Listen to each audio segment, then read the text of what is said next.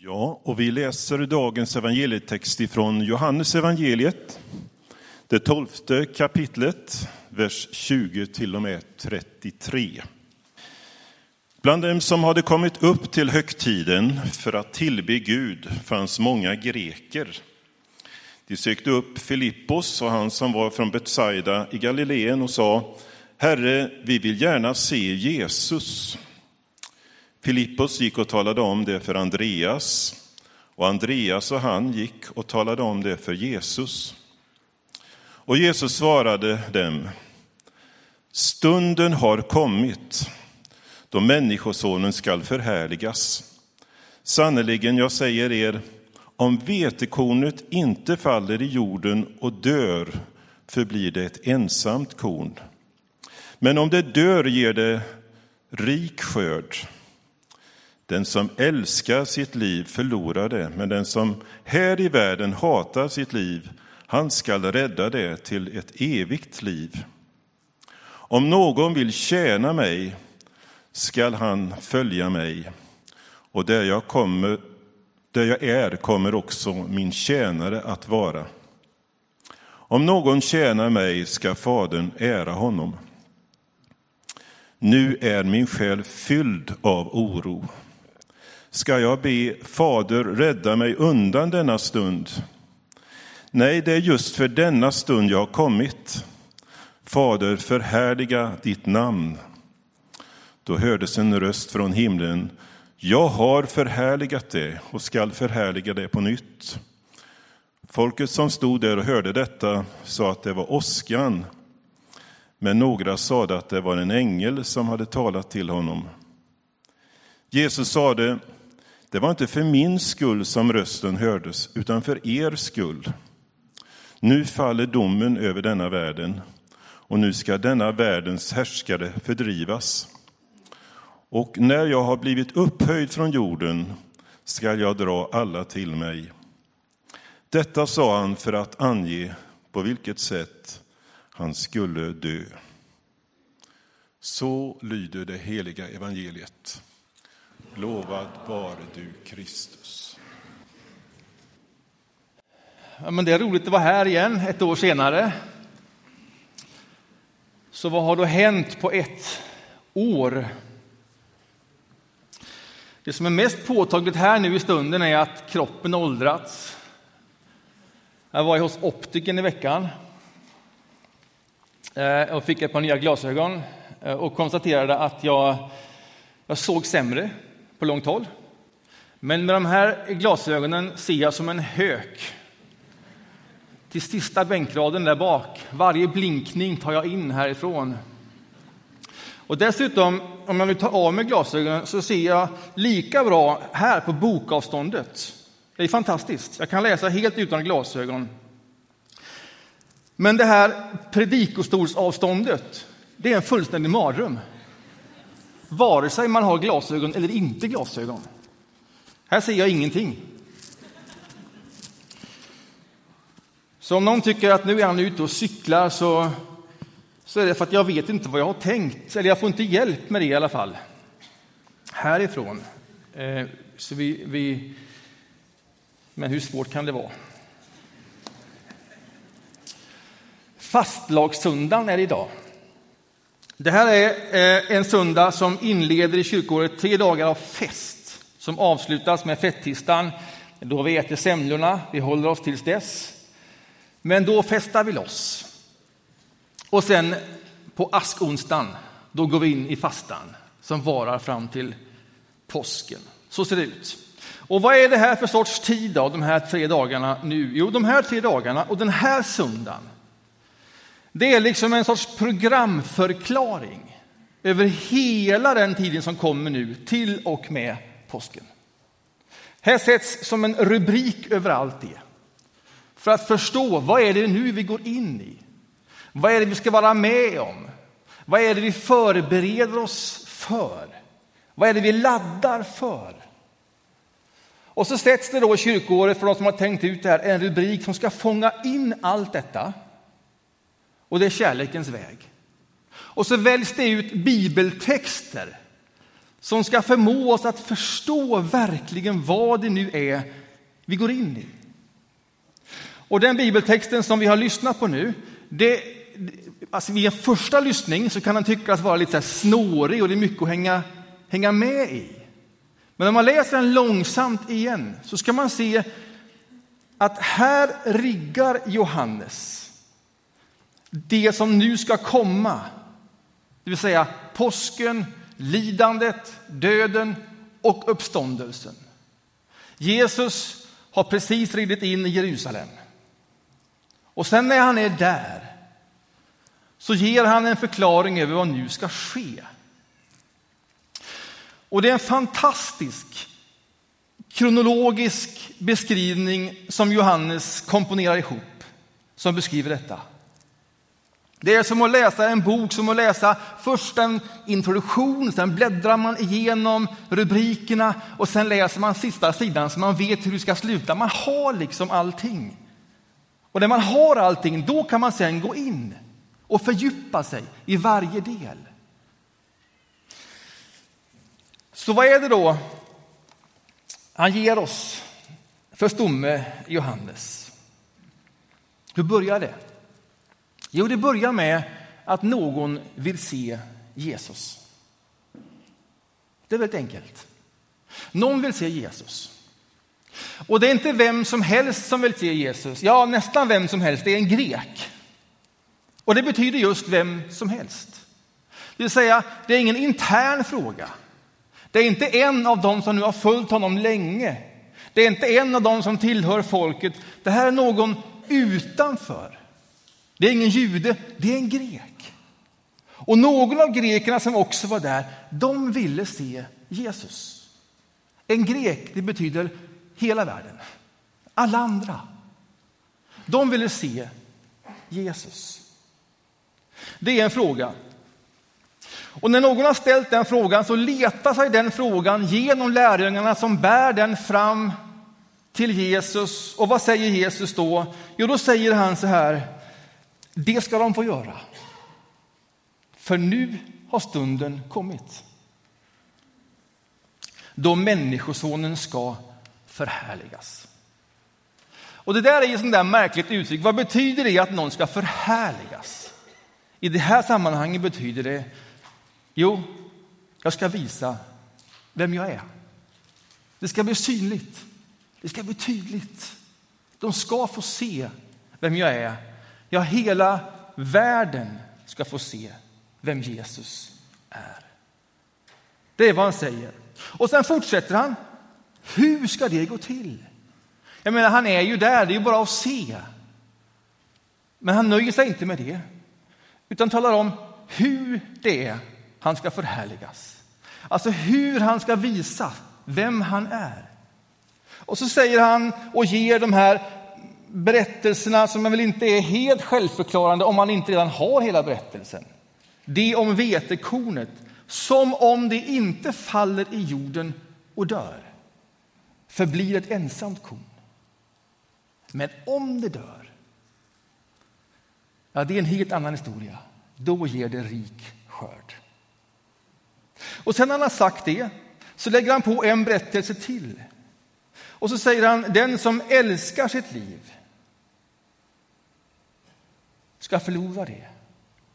Men den som här i världen hatar sitt liv, starka ord alltså, den ska vinna evigt liv.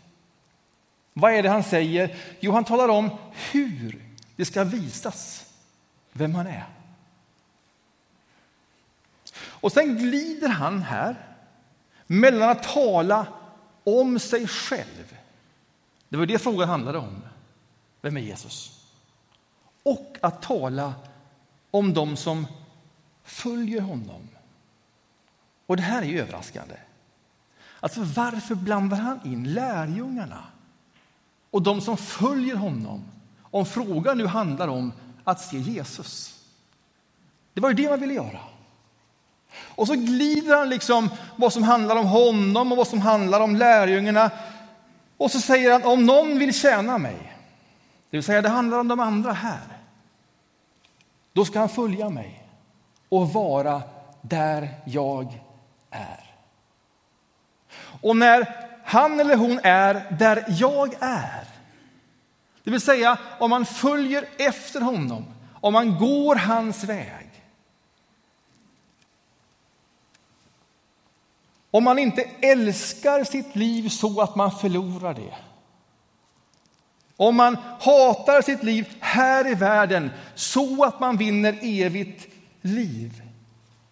Om man låter vetekornet falla i jorden och dö. Så att det inte förblir ett ensamt korn utan ger rik skörd. Om någon tjänar honom, det vill säga följer honom och är där han är, går hans väg, då ska Fadern ära honom. Det är märkliga ord. Alltså vad är frågan? Vi vill se Jesus och så handlar det plötsligt om oss. Det är urmärkligt. Det är som om man säger, alltså när jag förhärligas, Jesus Kristus, när det visar sig vem jag är, då kan du inte själv lyfta dig ur den ekvationen. Utan den som följer honom är del av det förhärligandet. Det sker också genom dem som följer honom. Det är anspråksfulla ord. Och sen fortsätter han. Min själ är fylld av oro. Vad betyder det? Ja, vad han säger i klartext är att det här är inga enkla saker. Detta kostar på, också för mig. Ska det hålla hela vägen? Ska det gå? Uppoffringen är stor. Så som det alltid är med kärlekens väg. Så var det för Jesus. Så mycket att han tvekar om det är värt att gå vägen. Han artikulerar den känslan för dem omkring honom. Ska jag då be? När jag nu känner som jag gör, ska jag då be rädda mig undan denna stund? Och så hänger frågan i luften. Så svarar han själv på det. Nej, nej, banne mig. Ja, det säger han inte. Men det hörs liksom. Det är för denna stund jag har kommit. Det är här det visar sig vem jag är. Det är i detta jag förhärligas. Och de som följer mig i denna, på denna väg de som är där jag är, de kommer Fadern ära. Nej, det är för denna stund jag kommit. Och så ber han, Fader, förhärliga ditt namn. Låt det nu ske. Visa vem du är. Och Då kan man ju tänka sig att när man ber en sån bön, Fader, låt det nu ske Förhärliga ditt namn, att man då liksom träder åt sidan och låter Gud verka. Ja, nu får Gud visa sig som han är. Men, men så funkar det ju inte här. Därför Jesus spelar ju en avgörande roll i detta förhärligandet. Han ber förhärliga ditt namn. Visa dig nu. Låt det ske.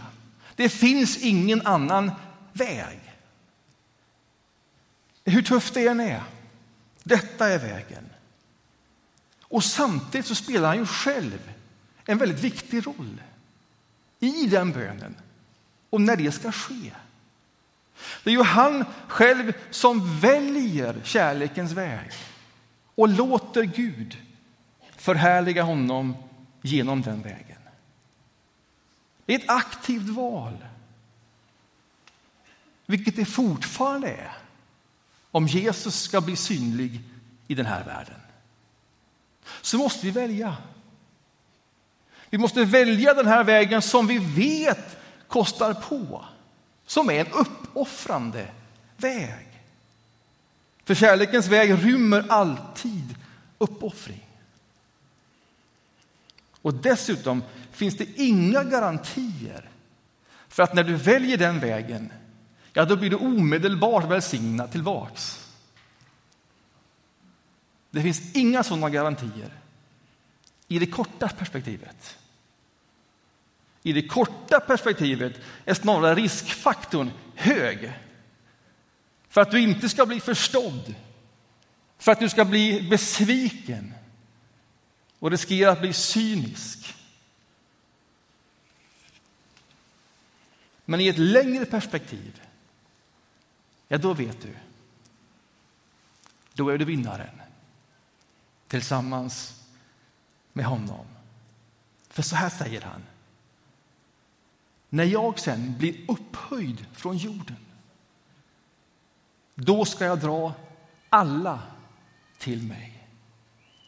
Nu läser vi liksom sista sidan i boken. När jag blir upphöjd från jorden, då ska jag dra alla till mig. Och vi ska vara där han är. Och hans kärlek ska genomsyra allt och alla. Vi vet det. Och det är därför vi väljer också det som har en hög riskfaktor i ett kort perspektiv. För vi vet att så här är det tänkt. Så här är det riggat. Vi kan liksom ta ut det i förskott för vi vet hur berättelsen slutar. Vi har ett försprång. Och därför kan vi välja kärlekens väg. Vad är då kärlekens väg? Ja, kärlekens väg, det är inte så himla enkelt att förstå det. Det här är liksom radikala berättelser när vi följer Jesus. Men de berättelserna de är ju satt i ett sammanhang, ett liv som vi lever här nu, där vi är genomsyrade av många andra berättelser som inte är kärlekens väg. Som inte behöver vara dåliga, men som i sak inte är kärlekens väg. Och som påverkar väldigt mycket hur vi ser och värderar allting. Vad är, vad är en sån väg? Jag ställer det här nu emot varandra, kärlekens väg och ekonomi. Ekonomi är inte dåligt. Ekonomi är inte ont. Men det är ett system. Det är ett sätt att se på den här världen och förhålla sig till varandra. Kärlek och ekonomi är olika logiker som lever i samma värld och som ibland tävlar om perspektivet. Hur ska man se och värdera saker och ting? Och vi är så genomsyrade av ekonomi att ibland är det svårt att lyfta sig ur det och se på ett annat sätt. För kärlek är ett annat sätt än det. Vad är det jag menar? Jag menar så här. I ekonomi är utbytet centralt. Häng med nu kort på den här teorilektionen. Alltså ekonomin den bygger på att vi producerar varor, saker och tjänster. Och sen byter vi det mot pengar. Och sen när vi får de här pengarna, då köper vi någonting från någon annan som producerar varor eller tjänster. Och sen är hela det här systemet satt i spel. Och det är ett bra system. Det är finurligt det här utbytet. Därför att om alla skulle göra allting själva, då skulle vi liksom inte klara av det. så. Men nu kan vi göra olika saker som vi är olika bra på. Och därför producerar jag någonting som jag får någonting i utbyte för och det ger mig möjlighet att köpa någonting som någon annan är bra för. Och så sätter vi ett värde på alla de här tjänsterna och varorna och så byter vi detta. Jag gör det här och jag får detta. Ett snillrikt system. Och allting är präglat av detta. Det är ju så här vi lever och rör oss. Hela vår vardag ser ut så här. Och det har skapat också mycket gott. Men när utbytet blir centralt i relationer, i det som är verkligt viktigt, i förhållande till Gud eller varandra, då blir det skruvat. Därför det är liksom ett, det är en annan planhalva. Och därför måste man passa sig så att det inte är det som hela vår vardag är så genomsyrad med, som vi tar för självklar. Luften vi andas smyger sig in i Guds rike. Därför det är ett annat rike. Är ni med på vad jag säger? Ekonomi är jättebra att skapa välstånd, men det är en annan sak än Guds rike. Och det gäller att hålla isär de här. Hur blir det skruvat? Ett program av serien Solsidan för flera år sedan fångade in det här på ett, vad jag tycker, väldigt underhållande eh, och slagfärdigt sätt. Har ni, har ni sett Solsidan? Vet ni vad det är? Välmålda område i Stockholm. Där bor de och så försöker de få livet att gå ihop där. Ett komedidrama. Och i, det här, I det här programmet så har Alex och Anna svårt att komma överens om vem som ska göra vad i hushållet. Det är ett ständigt gnabb. Och de vet inte hur de ska göra detta. Och då gör Alex som han ofta gör. Han talar med sin gode vän Fredde, Johan Renborg. Som gärna ger honom the life coaching och råd. Fredde han kommer från finansvärlden, där jobbar han. Och från den, från den utsiktspunkten då vet han hur världen funkar. Och han lägger det paradigmet, finansparadigmet, ekonomin, på familjen. Och så säger han så här till Alex, alltså jag föreslår att ni inför Uskados, familjens eget valutasystem. Jaha, säger Alex, tandläkaren där som lyssnar. Och det, vad är det? Jo, det går till så här att man sätter ett värde på olika sysslor i hemmet. Eh, vad är det värt att tumma en diskmaskin? Ja, det är värt x antal skados. Vad är det värt att städa huset? Ja, men det är värt... Och så sätter man ett värde på de här olika sakerna. Och sen när man har satt värde på de här olika sysslorna, då samlar man på skados, säger Fredde. Och sen så har man samlat ihop tillräckligt för att idka byteshandel mot andra tjänster. Alla gör det, säger han. Men så säger han ett par varningens ord, men skaffa dig nu inte en alltför stor valutabank. Och så berättar han om en kompis som hade samlat ihop hela två miljoner uskados. Alltså han kunde i princip, säger Fredde, dragit sig tillbaka från allt hemarbete resten av livet. Men då separerar de. Och de här två miljonerna blir helt värdelösa. För man kan inte ta med sig valutan in i ett nytt förhållande. Fattar du? säger han till Alex. Och Alex fattar detta. Det låter lysande. Och de börjar införa Euskados i hemmet för att få ordning på detta. De byter liksom tjänster och varor med varandra. De sätter pris på vad saker och ting är värt. Och så en kväll när de ligger i sin dubbelsäng, Alex och Anna, och läser en bok. Så släcker hon lampan, lägger boken på nattduksbordet och säger jaha, godnatt, säger hon. Och Alex säger jaha, nej men inte, inte ska vi väl sova nu? Jo, det ska vi göra, säger Anna. Godnatt. Nej, men inte redan, säger han. För han hade tänkt sig ett stycke intimitet. Och så kryper han närmare henne under täcket. Och hon säger nej, inte nu, säger hon. Men han ger sig inte. Han är lite påståelig. Ja, men... Och då vänder hon sig om och säger okej okay då, okej okay då. Men det kostar tusen skados. Det tycker han är ju rent förolämpande. Vad ska jag behöva betala för att älska med min egen hustru? Det är ju sjukt, säger hon då. Och så börjar en förhandling där. Och jag behöver inte ta det vidare, jag kan stanna här precis. Men nu ser vad skruvat det blir. Liksom. Om man lyfter in ett system där utbytet är helt centralt. Som på en planhalva är bra, gott, självklart, skapar välstånd. När du lyfter in det på en annan planhalva, det som rör relationer mellan människor och Gud, då blir det skruvat. Och det Jesus gör här i den här texten som vi nu går igenom, det är att han säger Guds rike, det är ett annat sorts rike. Kärlekens väg handlar inte om utbyte. Jag ger någonting och jag får någonting tillbaks. Kärlek är inte byteshandel. Kärlek är snarare uppoffring. Du ger någonting. Du tar en hög risk och du vet inte om du får någonting tillbaks. Kärleken älskar för att den älskar.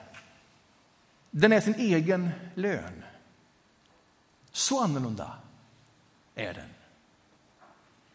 Och om man nu tycker att Solsidan är alltför trivialt som exempel för att fånga in vad kärlekens väg är så kan man läsa den andra texterna föreslagen för idag och det är Esters, i Esters bok Gamla testamentet. För den handlar om ungefär samma sak. Och den visar hur radikalt det här är att gå kärlekens väg. Lång historia, kort. Ester har blivit drottning hos kung Xerxes.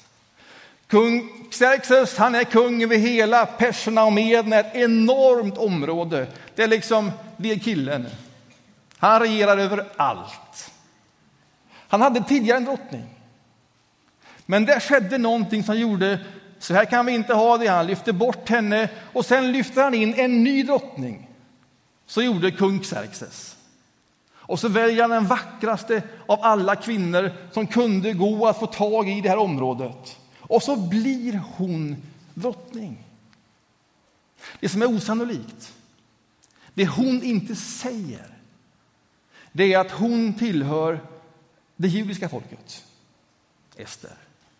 Och det judiska folket i den här tiden nu, de är liksom utspridda överallt. De har inget eget land.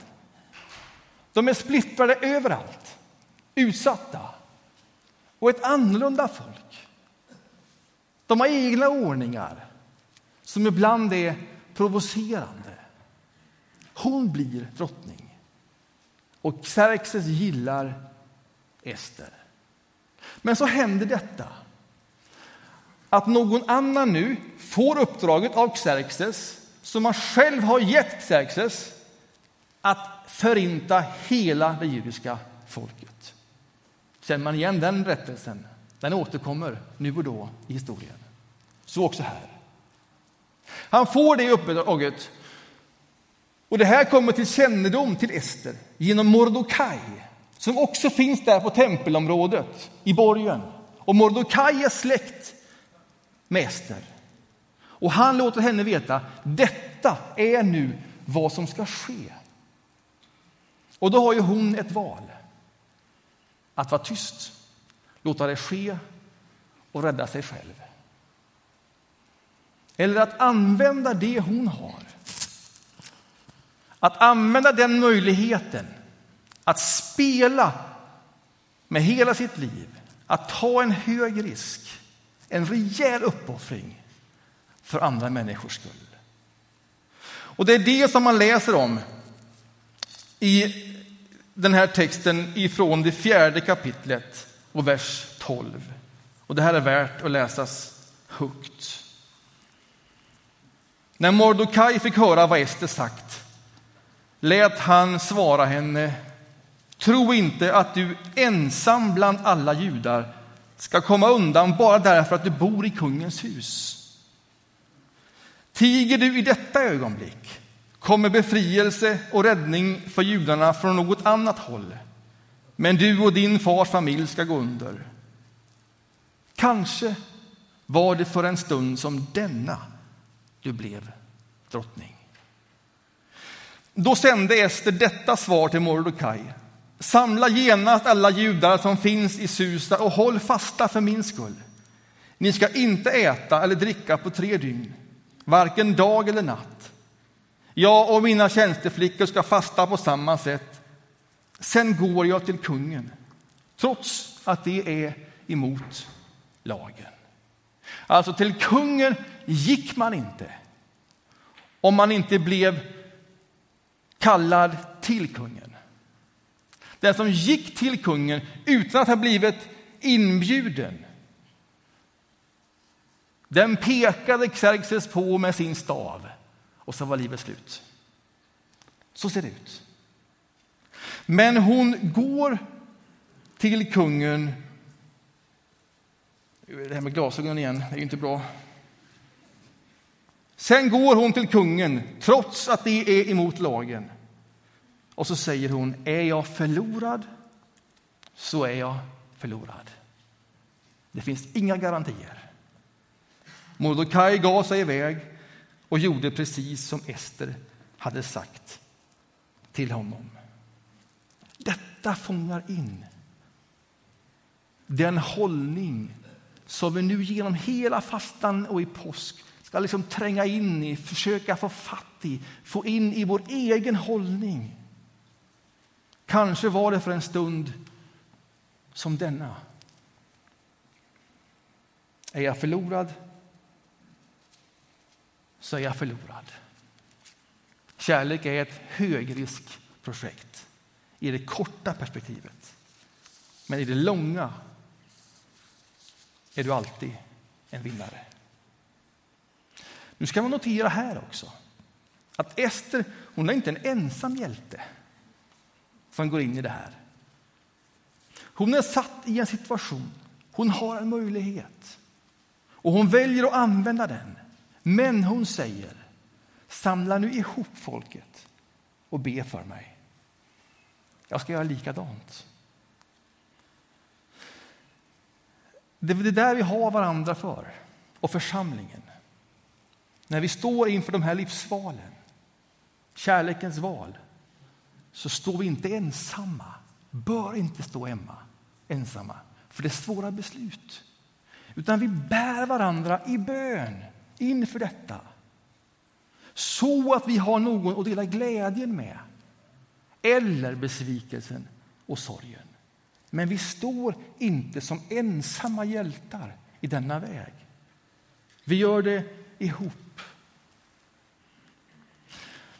Kan det vara för en tid som denna? Det är en bra mening att ha med sig. Och när man läser Ester och man hör en sån mening så kan man tänka sig att detta är förbehållet några stora karaktärer i historien som står där. Kanske är det som en stund för denna. Och så står historien och väger på två olika håll och så väljer de rätt. Och så kan det vara. Men det är ett drama som utspelas i varje människas liv. Många gånger, inte sällan varje vecka. Där du kan träffa samma sorts val. Att gå kärlekens väg eller inte. Att välja uppoffringen eller inte. Att använda det du har fått, spela med det förtroendet för någon annans skull eller inte. Kan det vara för en tid som denna? Det där är en mening och en fråga som du kan ha med dig in i varje ny vecka. Kan det vara för en tid som denna? Jag spelar med det lilla jag har. Det är en bra ingång för den som vill välja kärlekens väg. Ska vi dra ihop detta nu? Var börjar texten? Vi vill se Jesus. Och då kan man ju göra ett bibelstudium och det är gott och väl så. Men om Jesus ska bli synlig så kan vi inte lyfta oss själva ur det. Det är genom oss som det också sker. Han glider mellan sig själv och lärjungarna.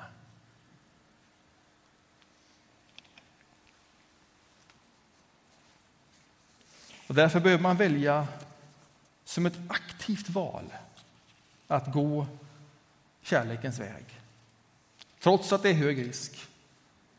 Trots att det inte finns några garantier för att bli förstådd. Man gör det ändå. Kärleken älskar för att den älskar. Den är sin egen lön. Den finns i ett längre perspektiv. Och då vågar vi. Då ger vi inte upp. Eller som Håkan Hellström sjunger i en av de sista sångerna han nu har skrivit. Så länge du finns på jorden, sjung. Och inte bara sjung, utan sjung högre. Sjung högre. Det är att välja kärlekens väg. Amen.